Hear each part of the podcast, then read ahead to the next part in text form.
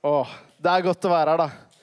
Eh, vanligvis når man, eh, eller hvert vanligvis når jeg starter eh, å få muligheten til å dele, så er det liksom vanlig å eh, føle det er liksom naturlig å bare si hvor stor pris jeg setter på denne kirka her, og på dere, Rolf Inganne. Men så kom jeg på at jeg skal jo reise på tirsdag, så jeg vet liksom ikke om det blir så Om det bærer liksom så mye vekt, da. Om det liksom hva, hva mener du egentlig? Du bare stikker av.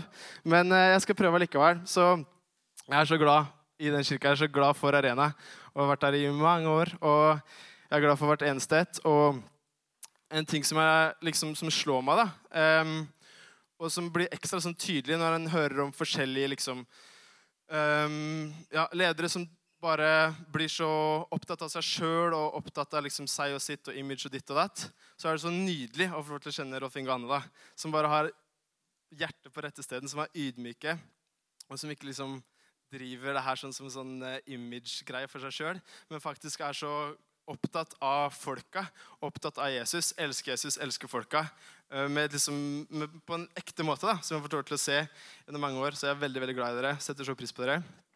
Takk for at dere stoler på meg med å stå her sånn. Det, huh. Ok, Jeg skal bare finne fram notatene sånt nå. Så i mellomtiden så jeg gir deg et oppdrag, og det er å finne et ikke overfladisk kompliment til noen som står i nærheten av deg. Okay, så det, for eksempel, Du er kul eller du er tøff, sånn som man sa på barneskolen. Det, det går ikke her sånn. Her må du liksom prøve å finne et, et ekte kompliment. Jeg vet det er vanskelig, men mens jeg finner fram, så, så bare gå, gå for det.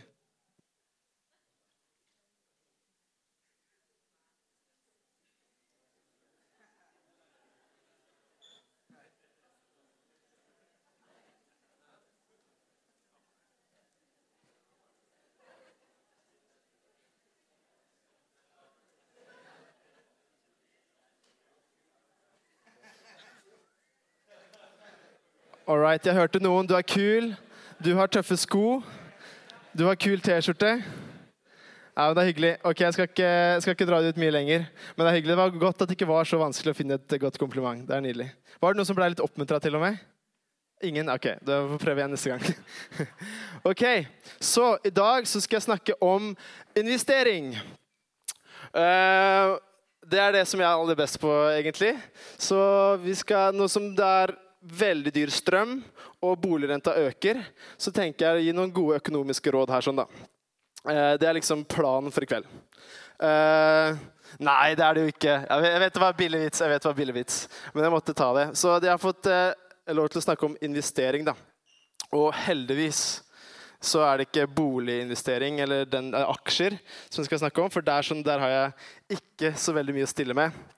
Eh, investere i folk, det har jeg i hvert fall litt gjort mer av. Eh, men jeg skal få litt hjelp da, til å snakke om det å investere i mennesker. Så det er liksom det som er tanken den neste halvtimen, er å, å snakke om investering og hva er i, hva det som er verdt å investere i.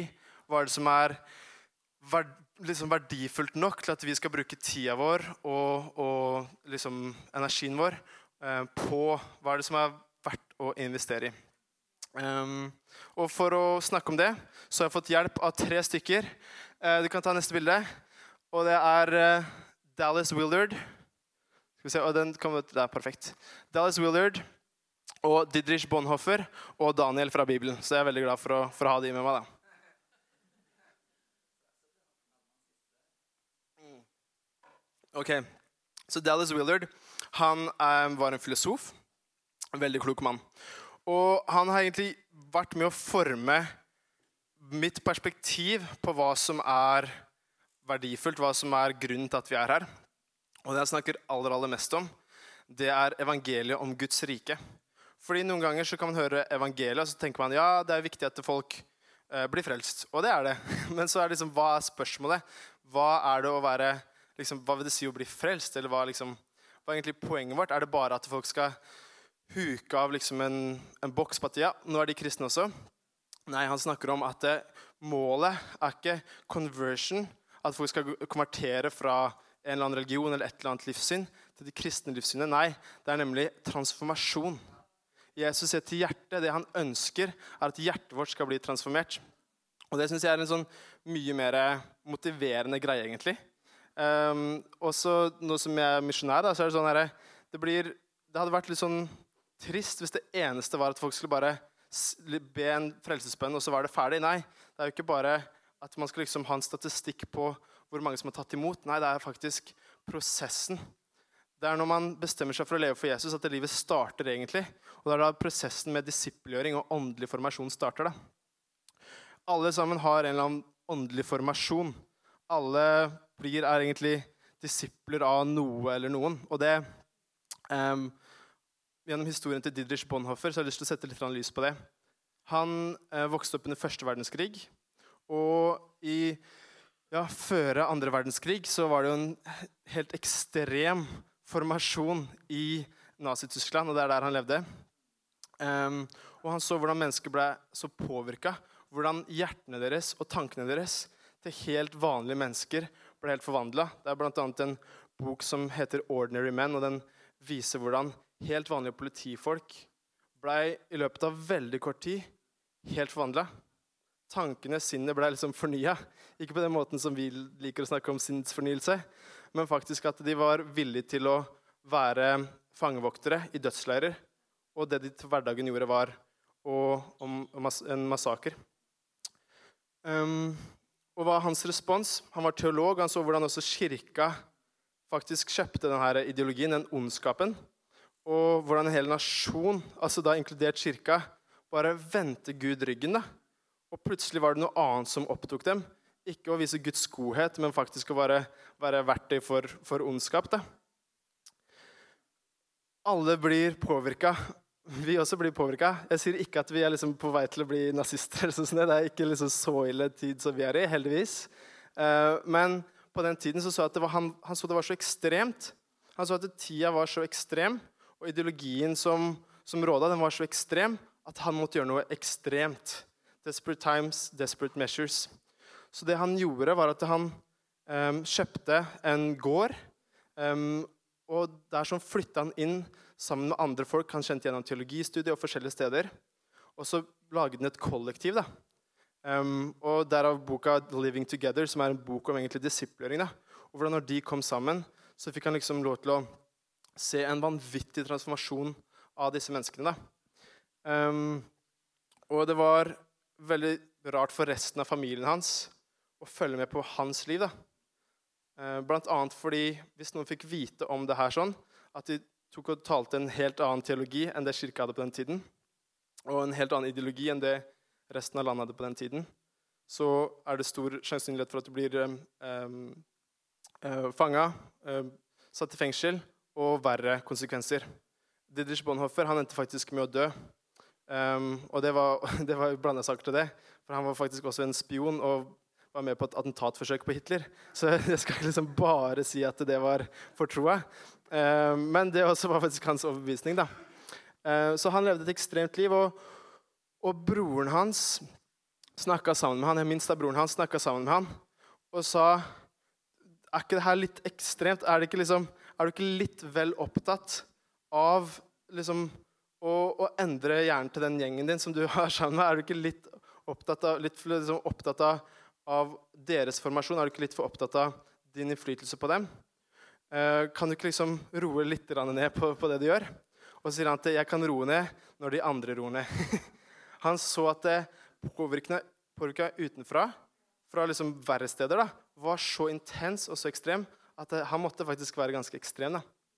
Um, og Daniel har liksom på sett og vis en lignende historie, der verden hans er så i veldig endring. Og han uh, og eh, gutta hans de blir tatt inn til Babylon. Og det er liksom siste resten det er de som bevarer har liksom loven. Det er de som kjenner loven. Det er ikke så veldig mange igjen. Og vi kjenner gjennom Israels historie at det, i tider så husker de loven, og i tider så glemmer de loven. Eh, og faller fra. og Det er alltid en gledesdag når den kommer tilbake. Men det, det trengs liksom en liten rest da, som kan huske hvor, hva loven er, og hva Guds lov sier, for at den igjen skal kunne blomstre. Da. Så det liksom, går gjerne litt sånn bølgedeler. da. Um, og Daniel han får et nytt navn, og vennene hans får et nytt navn. Og de får ny mat og nye klær og nytt språk. Og det er en sånn ekstrem sånn, um, ja, igjen da, innflytelse, påvirkning. Det er en, sånn, man kan nesten si en investering av kulturen rundt, av Babylon, for å få dem til å bli babylonere i stedet for å være jøder og Guds folk. Eh, og han har også en ekstra, ja, igjen da, Desperate times, desperate measures. Så det han gjør, er at han holder fast ved en del av de tinga som han gjør. Eh, en del, ting, en del av tradisjonen fra, fra israelsfolket. Og det er spesielt én ting som jeg syns er så um, unikt og så vakkert. Og det er at når uh, de andre som er sjalu på han, for Daniel får jo en unik posisjon i Babylon og får lov til å overse så masse, uh, eller lede så masse. Og så um, blir de andre sjalu, og de får kongen til å skrive en ny lov at i 30 dager skal man ikke be til noen andre enn til uh, kongen selv, da, Nebukaneser. Og da um, er det, står det i, eh, i, Daniels bok Jeg burde nesten bare dratt det opp, men jeg tar det litt sånn, eh, tar det litt sånn fra minnet. At uh, idet Daniel hører det, så går han hjem, og så, åpner, og så har han døra åpen på balkongen ut mot Jerusalem.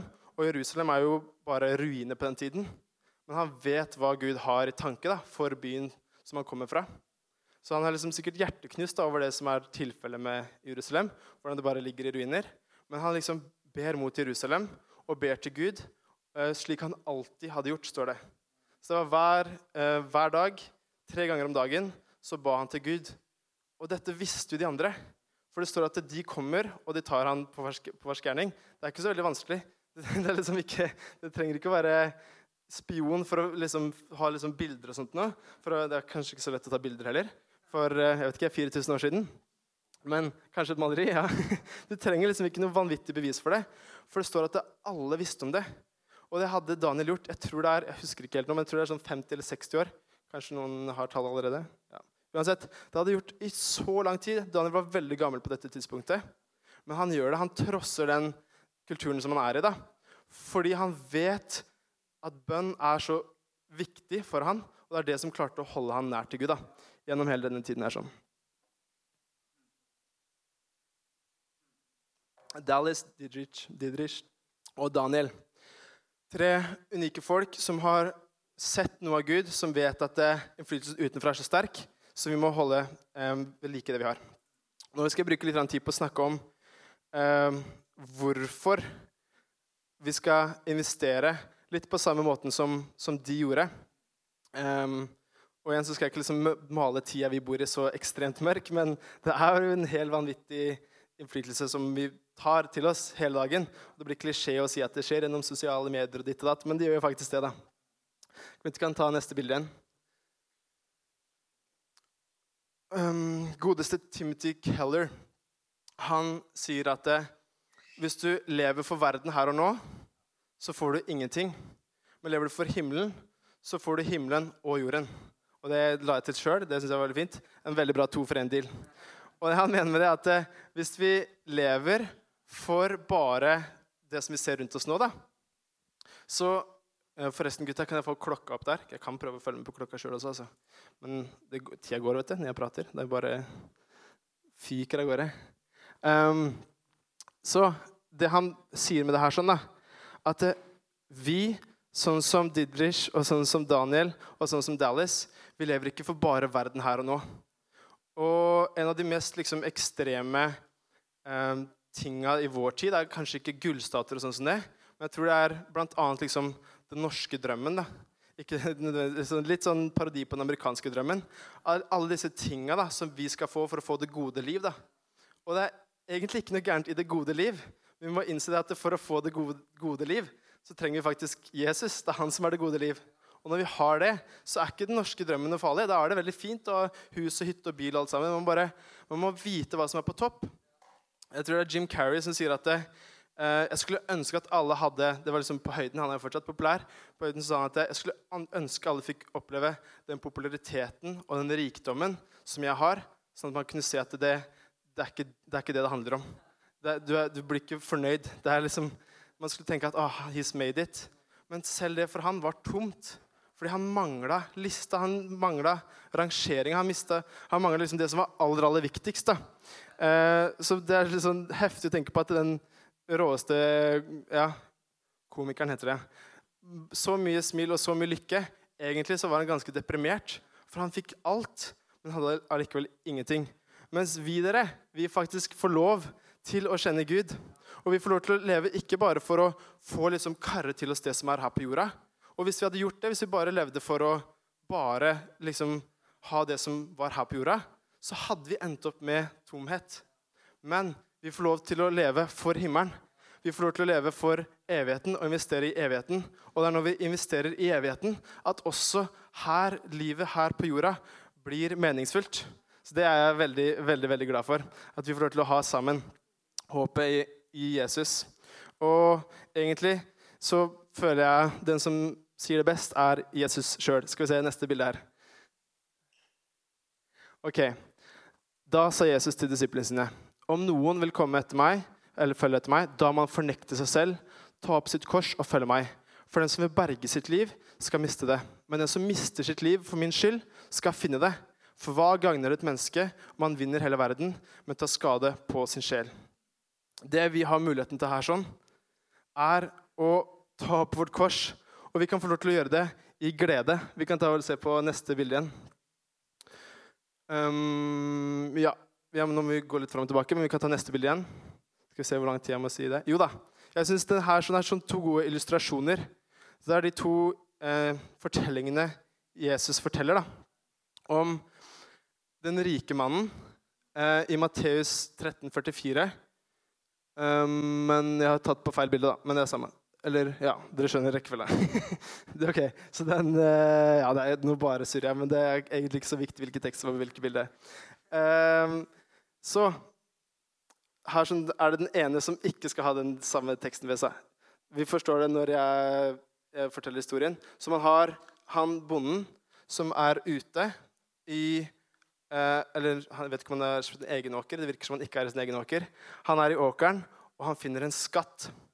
Og når han finner den skatten, så går han bort i sin glede, står det, og selger alt han eier, for å kjøpe den, det stykket jord, så han får den skatten. Han har sett noe som er så verdifullt.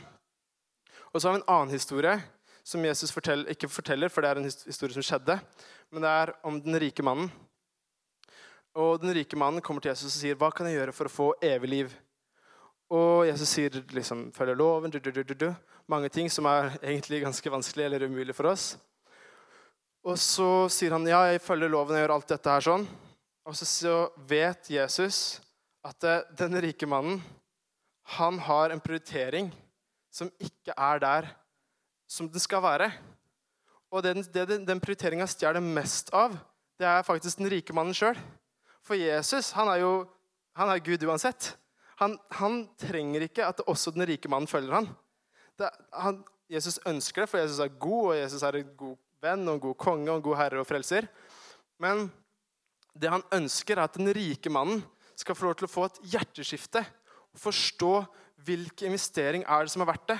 For han investerer nok veldig masse på veldig mange måter. Men det som er på tronen i hjertet hans, det er faktisk rikdommen hans.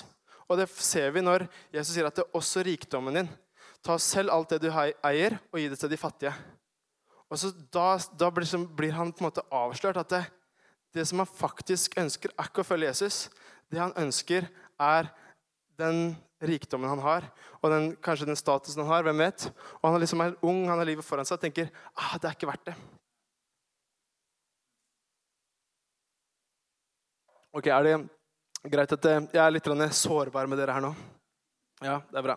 Så eh, For meg så har det vært nydelig å komme hjem og være masse med venner og familie. Eh, og så har det også vært litt sånn hva, Hvilke investeringer har jeg gjort? Før som jeg starta med introduksjonsvis, da, så har jeg ikke noe, liksom, noe voldsom rikdom eller bolig eller noe sånn som det. Og så i tider der hvor jeg ikke er så kobla på Gud som jeg skulle ønske, så bare merker jeg hvor ekstremt fort sammenligning og liksom lysten til alt annet da, enn egentlig Guds rike bare får plass da, i tankene mine. Og at jeg liksom sammenligner meg og tenker ok, nå har de liksom Eh, nå har de fått bolig, og de har fått eller han, kompisen min har fått Det er ikke han kompisen, det er alle kompisene mine, egentlig. har fått kone og barn og flotte biler og alt sammen. Og jeg bare Hva har det gjort med livet mitt? Og så burde jeg faktisk gjort noen helt andre valg også. Det er ikke sånn at jeg, det, jeg prøver ikke å si at det, å, jeg har gitt alt til Guds rike, og her står jeg for andre i dag, og uh, det er derfor jeg er fattig. Jeg er fattig egentlig for noen dumme valg også. Men uh, det som det er, da, er at uh, vi kan fort liksom tenke tilbake på det vi har gjort da, i Guds rike, og så bare ah, Hvorfor gjorde jeg det egentlig? Tenk hvis jeg hadde brukt den tida mi litt annerledes. Tenk hvis jeg ikke hadde hosta Connect-gruppe på onsdager, og heller liksom hadde øh, vet ikke vært på aksjemarkedet. Nei, vet du, jeg, liksom sånn, det, jeg tror ikke det er akkurat den tingen som treffer oss. men Tenk hvis jeg putta tiden min i bitcoin i stedet. Jeg hadde vært mange millionær. ikke sant? Så det liksom, det er fort da, at vi ser på investeringene våre som vi har gjort tidligere i livet. Og så kan vi komme til et sted der vi lurer på var det egentlig verdt det. Og Derfor er egentlig liksom, hovedpoenget mitt i dag at det er verdt det. Det er verdt å investere i evigheten. Det er verdt å investere tida si, pengene sine, energien sin. Det er verdt å bygge i relasjoner med andre som du kan få lov til å lede ett skritt nærmere Jesus, og som sjøl kan lede deg et skritt nærmere Jesus. Det er verdt det. Og Da kan vi gå tilbake en, et lite greier. Ja. Jeg tror at Åpenbaringen av hvem Jesus er, tillater oss å leve slik han har kalt oss til å leve. Og jeg eh, Det er liksom noen ganger når jeg leser Bibelen, så har jeg egentlig bare glemmer jeg bort hva jeg egentlig leser. For det er fort at man liksom får en sånn eh, måte å lese Bibelen på som jeg tror egentlig ikke er ment til å være lest. Er det noen her andre enn meg som sliter når man leser sånn juleevangeliet når det ikke er jul? Det var, jeg er i hvert fall sånn da. Jeg, jeg, jeg syns det blir helt rart. Så jeg bare hopper over liksom sånn eh, Keiser Augustus. Jeg bare hopper over det, for det, sånn, det, blir så rart å lese det. Jeg klarer liksom ikke å forstå meninga i det. For man har vært gjennom det kanskje så mange ganger at det liksom blir litt fjernt. da. Og man glemmer at det faktisk er ekte historie, ekte levd liv. Men det er noe av det som er nydelig med Bibelen. At det er skrevet av ekte mennesker. Og man ser det egentlig liksom i alle tinga som skjer. sånn, eh, er det ja, Johannes som liksom har behov for å eh, fortelle at han var den raskeste til grava. Og liksom eh, stadig vekk får Peter en eller annen sånn, noen som herser med han. ikke sant? Man ser at det her er jo guttastemning hele veien. Og det som er så gøy med evangeliet, er at det, det er ikke bare det at de fikk lov til å være Jesus sine venner, men de var faktisk de var Jesus sine venner, og Jesus trengte venner. Jesus var jo fullt Gud og fullt menneske. Um, jeg må ha litt vann igjen. Du kan, å, Hva skal vi gjøre i dag for at jeg kan få meg en slurk vann? Du kan gi et overfladisk kompliment til noen som sitter i nærheten av denne gangen her, sånn, mens jeg tar litt vann.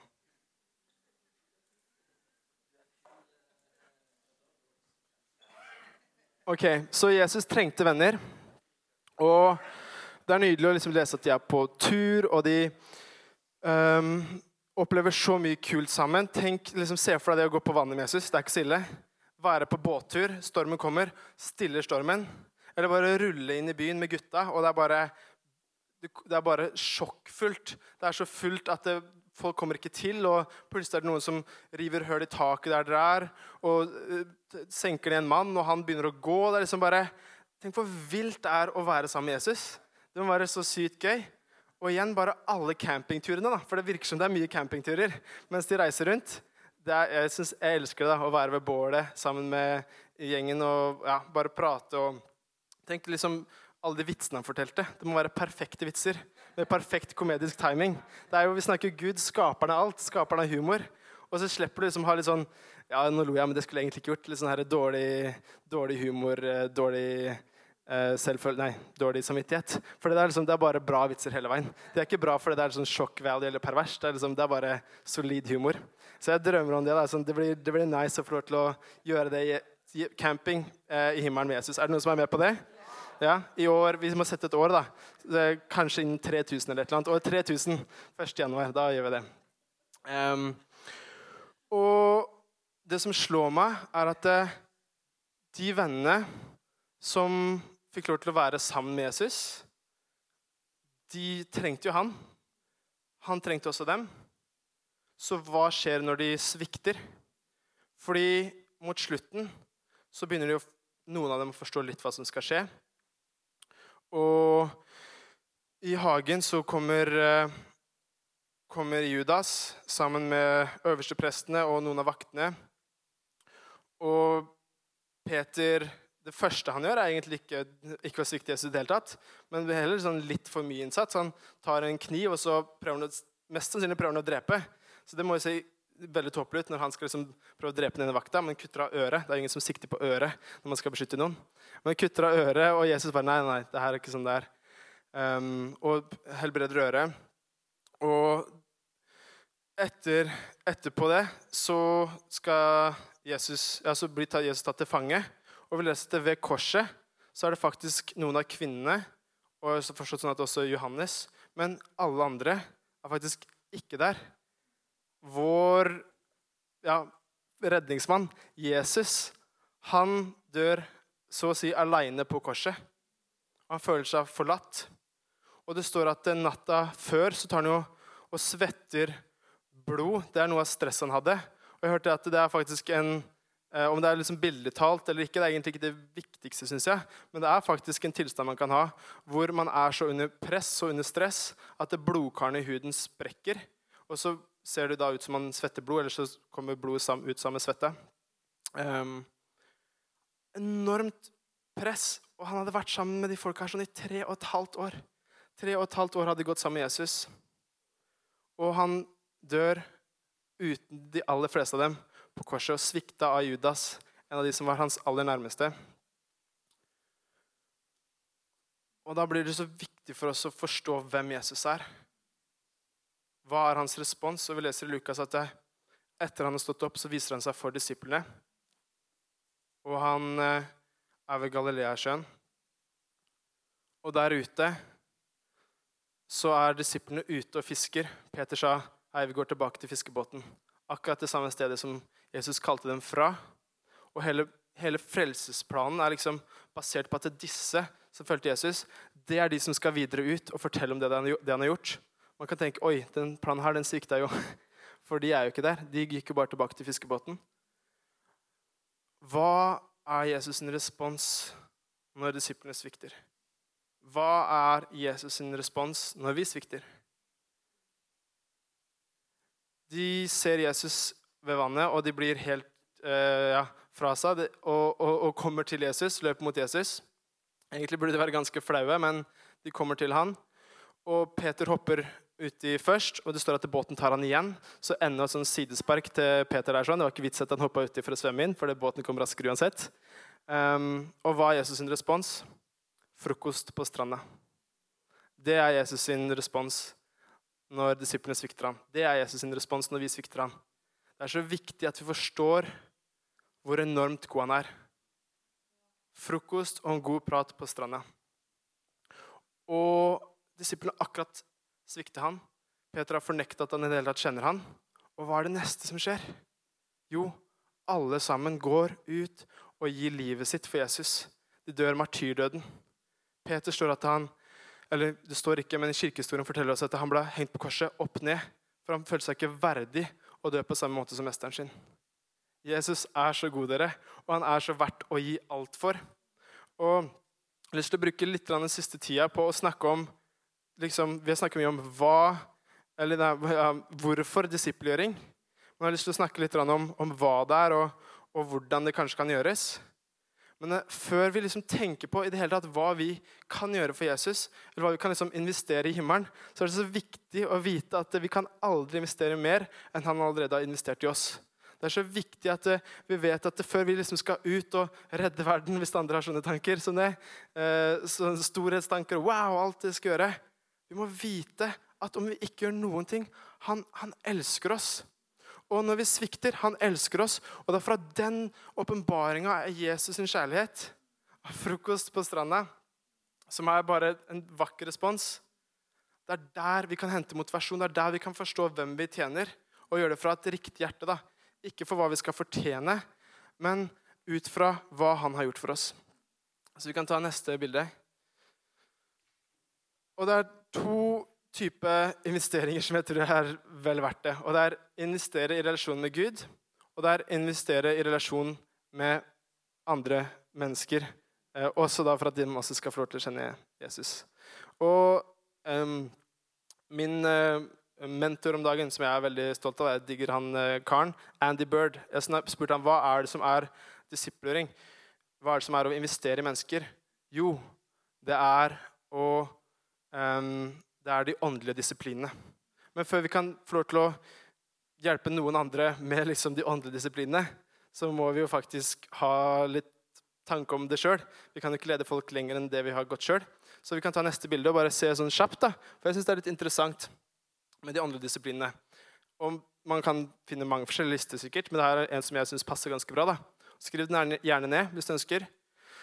Bibel, bønn, lovsang, stillhet, faste, synsbekjennelse, sabbat og lydighet.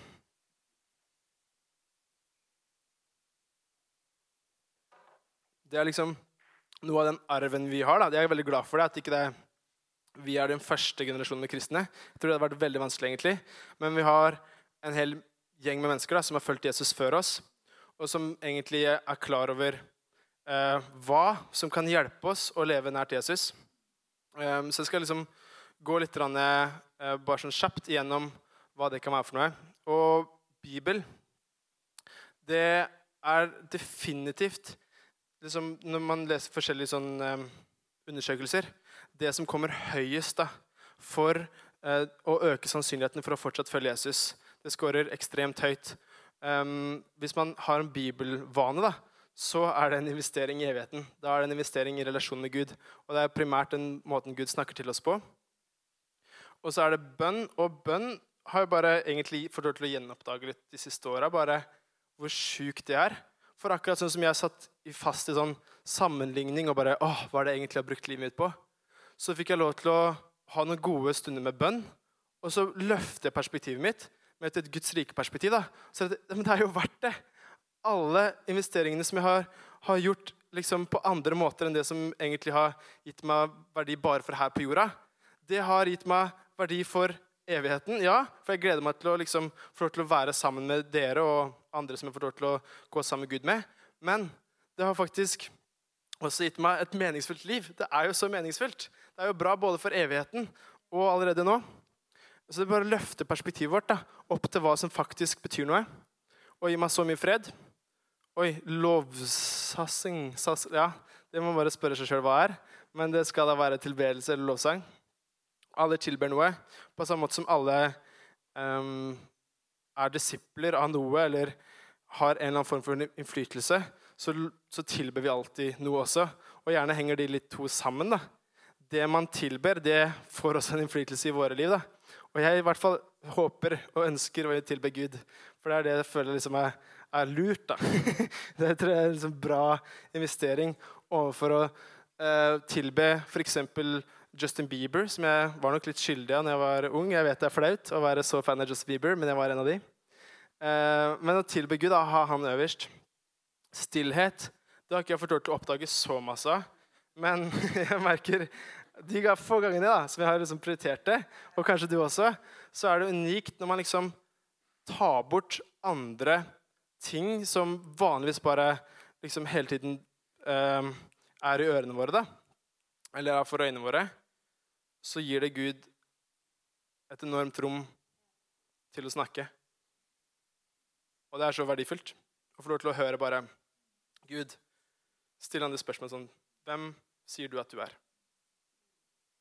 Gud, hvem sier du at jeg er? Og få lov til å bare ha stillhet. da.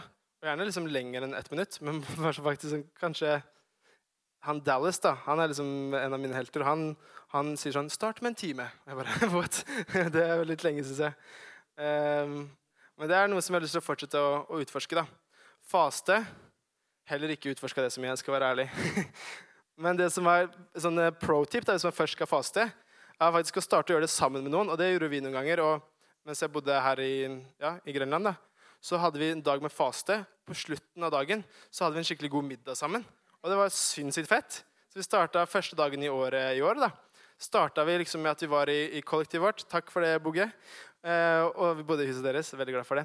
Og så eh, samla vi en hel gjeng, og så hadde vi første dagen i året til å be sammen og lese Bibelen. Og vi møttes sånn eh, hver time og bare delte litt hva vi hadde fått av Gud gjennom Bibel og bønn osv. Og, og så avslutta vi dagen med en middag, og det var så gøy.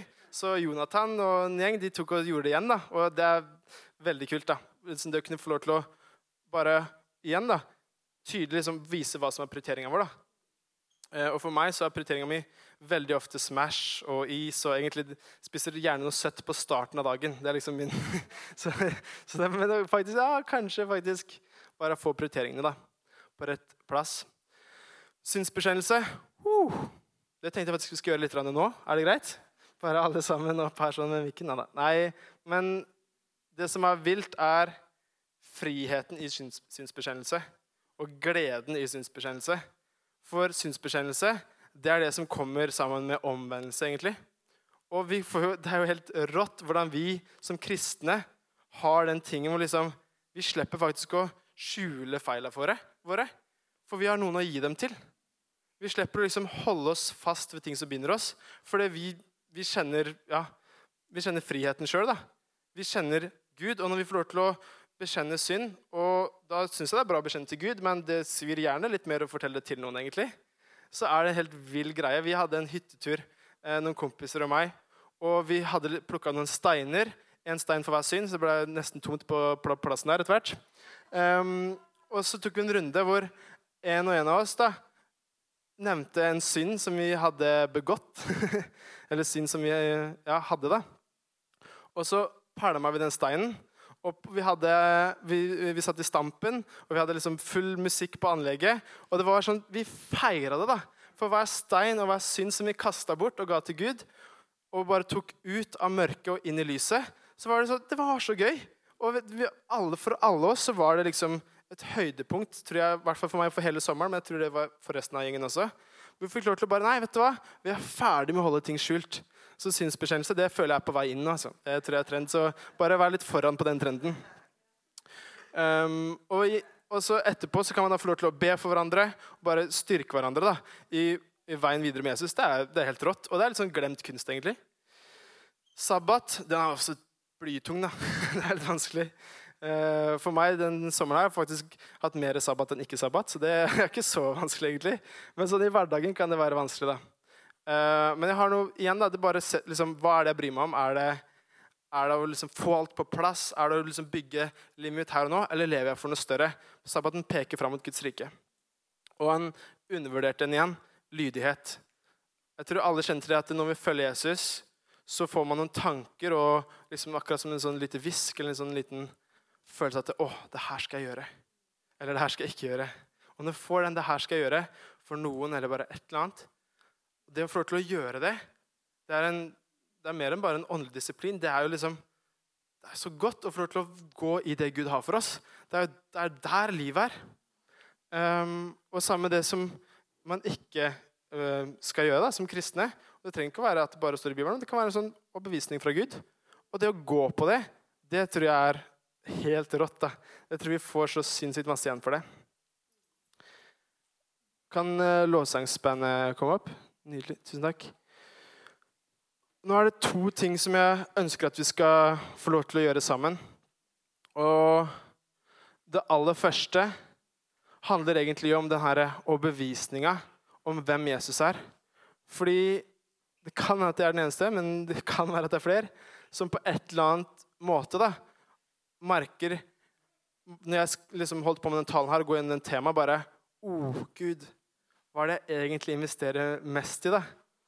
Um, og, og får en sånn herre ah, Gud, har jeg egentlig bomma litt noen ganger på rekkefølgen min? Hva er det som er viktigst for meg? Så kan det være sånn Å, oh, Gud, jeg, jeg, jeg skuffa deg faktisk. Um, jeg er jo fortsatt en del litt ung, i hvert fall. Men det kan være sånn typisk da, at liksom, man tenker når man er ung, som meg, bare eh, Ja, Gud, jeg skal gi deg alt. og jeg skal leve for deg, og har sånn veldig sånn tanke om det. Og så kan man jo fortsatt gjøre det, men kanskje det på noen områder av livet. da, At en rett og slett opplever at 'Å, Gud, jeg, jeg svikta deg. Jeg strakk ikke til. Jeg, jeg, gjorde faktisk ikke det som jeg følte du hadde i planen for meg.' Og Det er så viktig at vi ser hvem Jesus er i det. Så bare nå mens vi begynner å, å ja, ha litt uh, lovsang i bakgrunnen, så ja, kan vi ikke bare ha litt tid på det? Og sitt eller stå, det er egentlig ikke så viktig, men bare ta noen få sekunder med liksom, kanskje et instrumental her sånn i bakgrunnen, og bare spør Gud Gud, vis meg hvor du var når jeg svikta på denne måten her, sånn, eller når jeg gjorde den prioriteringen her, sånn, eller når jeg ja, når jeg ikke strakk til Jesus. Og prøv da å, å bare være klar over hvem Jesus er, hvor god han er, hvor verdig han er, hvordan han er så full av tilgivelse når vi ikke strekker til, når vi ikke kanskje investerer så mye i evigheten, men litt på jorda. Og kanskje ikke det er en ting som du i det hele tatt har tenkt noe på. Da kan du bare bruke tida til å, til å be over noe helt annet. Men hvis du har en eller annen område eller en eller annen ting i livet ditt hvor åh, Gud, jeg, jeg svikta deg, bare se for deg Jesus med frokost på stranda, som han har gjort klart. Så får du lov til å bare snakke om det. Og han er full av tilgivelse, han er full av omsorg, han er full av kjærlighet.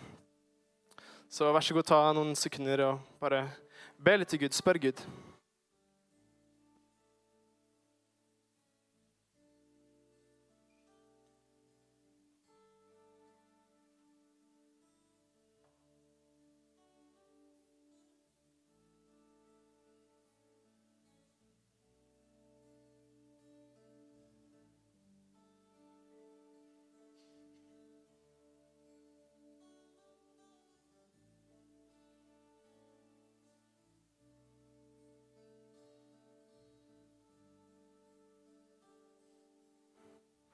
Alright. Hvis du er komfortabel med det, så tror jeg faktisk det kan være en litt fin ting å bare prosessere det litt sammen med Gud og sammen med en annen.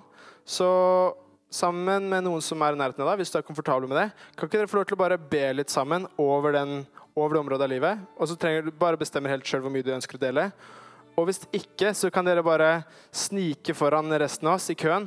Og det neste punktet som jeg egentlig har lyst til å snakke litt om, og vi skal be over det etterpå, er det å få lov til å investere i andre. Og det er egentlig akkurat likt som de andre disiplinene.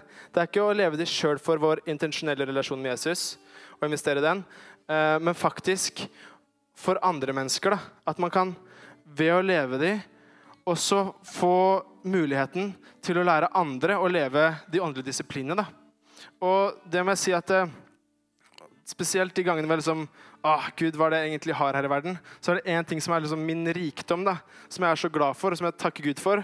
Og det er sånn som Peter i bua og Jonathan i bua. Og jeg har på ingen måte liksom ære for at det er de, de er kristne i dag. Men vi har fått lov til å gå sammen og følge Jesus sammen. da. Og det å få lov til å investere, og det er mange andre også, det å få lov til å investere i relasjoner sammen med folk og få lov til å vise hverandre hvem Jesus er. Og man, på ingen måte skal man jo liksom lage disipler av seg sjøl, men de får lov til å peke på Jesus og se hverandre følge Jesus nærmere sammen. Det er så sinnssyk rikdom. Så Det beste med det siste halvåret har jeg vært på Hawaii og i Mexico. Og det beste med den tida er faktisk å ringe hjem og se at de gutta her sånn, de følger Jesus fortsatt. Og de blir mer og mer glad i Guds ord. Og de deler tro med andre. Og andre som jeg har bedt for over lang tid, som jeg bare håpa skulle ta det første steget mot Jesus. Det har de tatt, men ikke pga. meg men pga. de som har tatt troa videre og, og, bare tatt med andre og levd Jesus sammen med andre. Invitert dem med, kjørt bilturer sammen, ta en kaffe, ta, dra på Mækkern. Bare inkludere dem i vennegjengen. Og at de da har nådd de menneskene som jeg ikke kunne nå sjøl. Fordi de har begynt å følge Jesus, og de trenger meg ikke på noen som helst måte. Fordi de sjøl har Jesus. Det er så sinnssykt verdifullt. Det er en rikdom som er større enn noe annet. Og nå går jeg litt foran meg sjøl her, sånn, men ja, igjen, det er bare tilbake til det. Hvis du på noen som helst måte liksom, åh, hvor er det, Jeg, jeg bomma litt. Jeg gikk over jeg, jeg, Ja, den, den, kanskje en skuffelse, da. Det å få lov til å få en åpenbaring om hvem Jesus er når vi ikke får det til. Ta og, ja, Huk tak i en ved siden av deg og så bare be sammen med noen gjennom det. Det er min eh, det er en sterk anbefaling. Og hvis ikke, så kan du bare begynne å, å, å be allerede nå. Gud, hvem ønsker du at jeg skal investere i evigheten til? Gud, hvem ønsker du at jeg skal få lov til å kunne se igjen i himmelen og få lov til å glede meg over at det, livet på jorda det var ikke forgjeves. Det var verdifullt, for jeg investerte ikke bare i jorda, men i evigheten. Og jeg fikk jorda med på kjøpet. Så de to tinga sånn litt sånn samtidig.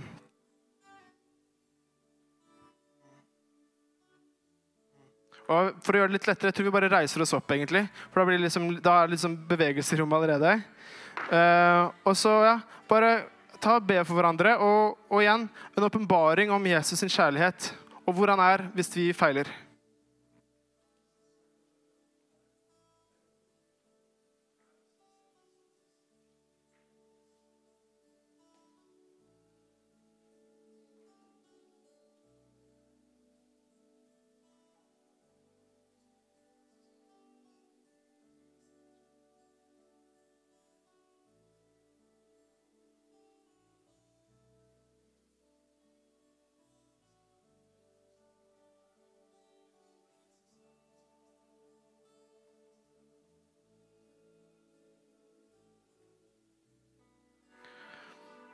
Det er selvfølgelig en Ja. Da er liksom den samtalen åpna hvis man ønsker å fortsette den seinere. Men sammen nå så ønsker jeg at vi skal bare be til Gud om å vise oss hvem som vi kan få lov til å investere i. Så Gud, bare vis oss et, et fjes, et uh, navn. Minn oss på, Herre, hvem vi kan få lov til å investere i.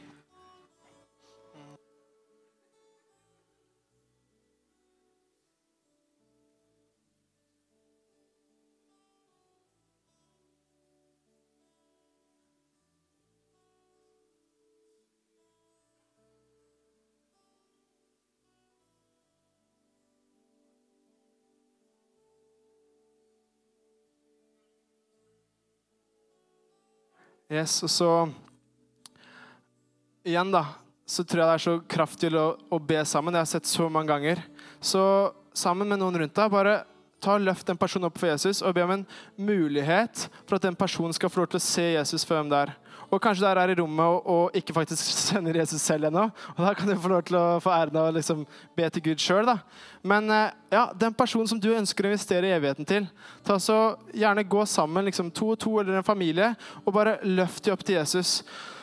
Ok, Jeg bare starter med å be, så kan det er så gull hvis dere kan fortsette. Gud, jeg takker deg for at vi får lov til å kjenne Herre. Takker deg for at vi får lov til å ha sannheten. Takker deg for at vi får lov til å gjøre alt det vi gjør ut fra en seier som du har vunnet for oss. Takker deg, Herre, for at vi trenger ikke være perfekte for å se andre følge deg, Jesus. For vi får lov til å peke på deg, og det er du som er perfekt. Det er ikke vi som skal bli fulgt, men det er deg, Herre. Vi ønsker å være dine disipler, og vi ønsker å investere i andre, så de også kan få lov til å være dine disipler, Herre, og kjenne livet, det ekte livet. Så Gud, bare gi oss mot nå til å be modige bønner, Herre.